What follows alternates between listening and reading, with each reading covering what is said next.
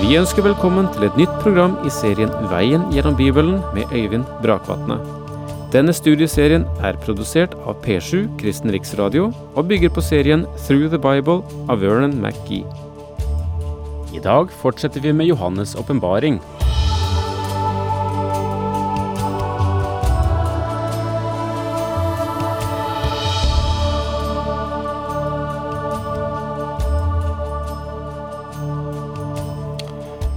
Sangen og tilbedelsen og lovprisningen for ham som kan åpne boken med de syv seil, er i ferd med å ebbe ut for denne gang, og erstattes med den spenningen som opptrer når Han som kan åpne seilene, nemlig Jesus Kristus, åpner det første seil. Og la meg igjen minne om at eh, det hele denne sekvensen forteller, det er at Jesus sitter ved makten. Det er han som kan bryte det forseglede. Det er han som har all makt i himmel og på jord. Og det understrekes gjennom denne bokrullen med de syv seil. Og nå bryter han det første seil. Vi eh, rakk så vidt å lese begynnelsen av eh, kapitlet før vi måtte si farvel sist, og vi går inn igjen i Åpenbaringen 6, vers 1 og 2. I mitt syn så jeg lammet bryte det første av de sju seil, og jeg hørte et av de fire vesener rope med en røst som torden. Kom! Da så jeg en hvit hest, og han som satt på den, hadde en bue.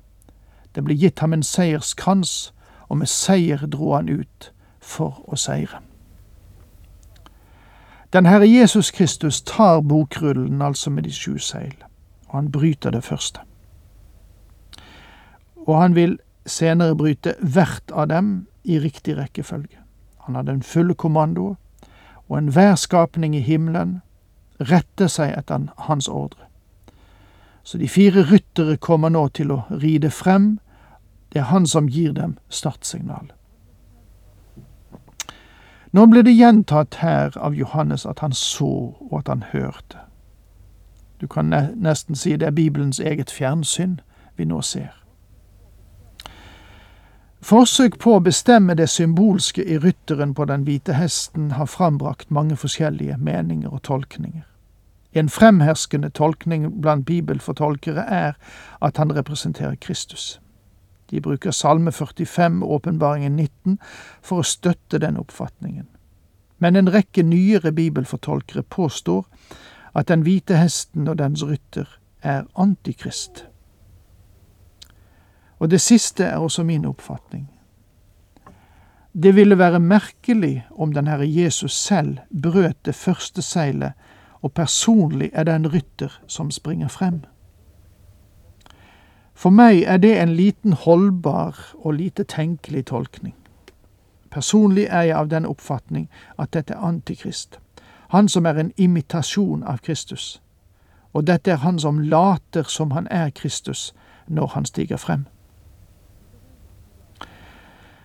Vi beveger oss i dag i retning av en verdens diktator. Det synes jeg blir stadig mer tydelig. Alle folk i verden er urolige. Lovløsheten øker, og valgte myndigheter ser ikke ut til å kunne holde kontroll. Dette forbereder grunnen for hans komme, som påstår at han kan få bukt med dette om han får herske. Antikrist opptrer ikke som en villmann. Vi må ikke glemme at Satans engler også kan være lysets engler. Han kommer ikke til å ha horn eller klover, i stedet kommer han til å være en av de mest tiltrekkende personligheter verden noensinne har sett. Vi vil velge ham, og verden vil godkjenne ham fordi han kommer i sitt eget navn. Men når han tar over, blir det sannelig ikke enkelt for verden. Dette er ikke bare ville påstander fra en predikant, men understrekes av vel kvalifiserte personer fra de fleste vitenskapsgrener. Historiefilosofen Arnold Toynbee skriver blant annet ved å tvinge men på menneskeslekten flere og flere dødelige våpen og på samme tid gjøre hele verden mer og mer avhengig av hverandre økonomisk og teknisk, det har ført slekten til slik fortvilelse at vi er modne for, en guddoms, for å guddomsforklare enhver ny Cæsar som kan tenkes å lykkes i å gi verden enhet og fred. Og det er den plattform som Antikrist vil stige frem på verdens enhet og fred. Og jeg tror at hvis noen sto fram nå og tilbød verden det, ville verden ikke spurt om vedkommende kom fra himmelen eller helvete. Jeg tror ikke at de ville bry seg, fordi vi ønsker fred til enhver pris, og vi har brukt milliarder og billioner for å oppnå den. Når Antikrist kommer til makten, vil han tale om fred, og verden vil tro at den går inn i tusenårsriket når den faktisk går inn i den store trengsel. Den store trengsel kommer som et lam, men ender som en løve. Et løfte om fred er den store løgn verden kommer til å tro. Denne rytteren kan ikke være Kristus heller, i lys av det faktum at Kristus er lammet midt for tronen og løven av Judas stamme og Davids rotskudd, som er den som leder disse hendelser fra himmelen og gir ordren til de fire rytterne om å ride fram. Kristus blir klart identifisert i åpenbaringsboken kapittel 19, mens han her sannelig fremstår meget dunkelt, noe som antyder at det ikke er Kristus men en imitasjon av ham. Så langt det første seil. Nå ble det andre seil brutt. Da lammet brøt det andre seil, hørte jeg det, an det andre av de fire vesener si, Kom, og det kom fram en annen hest som var flammende rød. Han som satt på den, fikk makt til å ta freden bort fra jorden, så folk skulle slakte hverandre ned og det ble gitt ham et stort sverd. Den første rytteren kunne ikke ha vært Kristus, for når han vil bringe fred til jorden, vil den være permanent. Det det her tales om, er en meget kortsiktig fred. Umiddelbart etter at den hvite hesten springer fram, kommer den røde hesten som varsler krig over jorden. Den fred som rytteren på den hvite hesten brakte til verden, var kortsiktig og et skalkeskjul. Antikrist presenterer seg selv som hersker som bringer fred til verden. Men han kan ikke garantere den, for Gud sier, det er ingen fred for den onde, sier min Gud, som det står i Jesaja 57, vers 21. Og det skriftordet er sannelig blitt oppfylt. Antikrist vil være en sjarlatan, en humbugmaker. Han vil ikke bringe fred, for her sprenger krigens røde hest igjen over jorden, og dette vil bli en virkelig verdenskrig. Si ikke at den allerede har vært, for det har den ikke. Dette hører fremtiden til. Da lammet brøt det tredje seil, og nå går vi altså videre i teksten, ikke sant. Da lammet brøt det tredje seil, hørte jeg det tredje vesen si, Kom. Da så jeg en svart hest, og han som satt på den, hadde en vekt i hånden, og jeg hørte liksom en røst inne blant de fire vesener. Én liter hvete for en daglønn, tre liter bygg som en daglønn, men oljen og vinen må du ikke skade. Enda en gang sier Johannes, jeg hørte og jeg så, og han vil forsikre seg om at vi er klar over det, og at han ikke sover og er bare i en slags drømmetilstand. Fargen på den sorte hesten gir et signal om sorg. Det møter vi både i Jeremia 4 og i Malaki kapittel 3, og den taler oss om hunger. I Klagesangene kapittel 4 vers 8 og 9 leser vi nå ser de svartere ut enn sot, en kan ikke kjenne dem igjen på gaten. De er bare skinn og ben, huden er blitt tørr som knusk. De som falt for sverd, var bedre stilt enn de som sultet i hjel, for de tærtes bort, og de døde fordi jorden ikke gav grød. Den sorte hesten representerer den verdensvide hunger som skal komme over jorden. Etter en krig er det alltid knapphet om fødevarer. Den greske historikeren Herodot sier at et kvart mål korn var en soldats daglige matrasjon.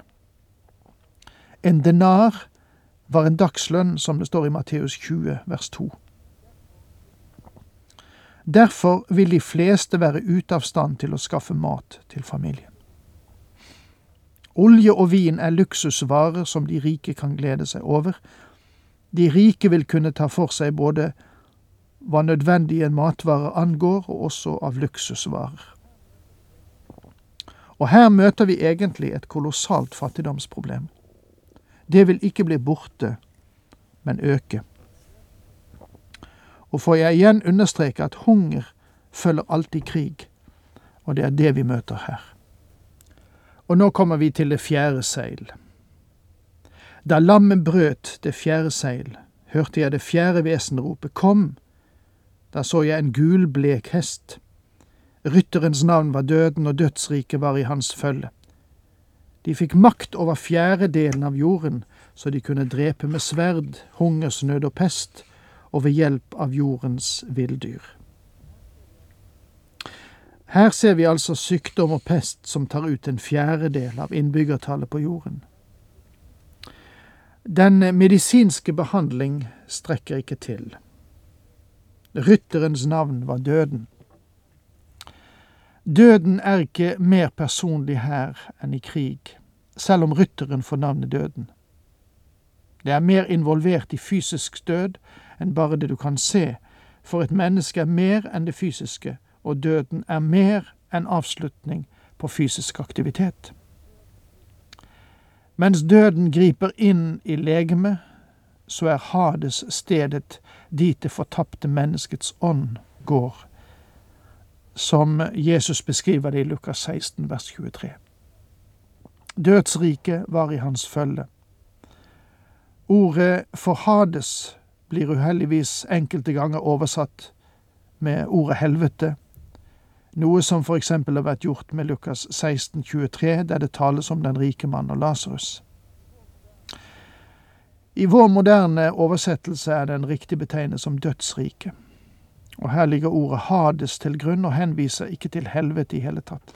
Her tales det om fysisk død, enten dit ånden går, eller om graven der legemet plasseres. Med andre ord, når døden tar legemet, så er Hades det sted der det fortapte menneskets ånd går. Slik talte Jesus om denne saken, så langt som eh, jeg ser det. Og der er faktisk tiden ute, så jeg må si takk for nå, Herren med deg.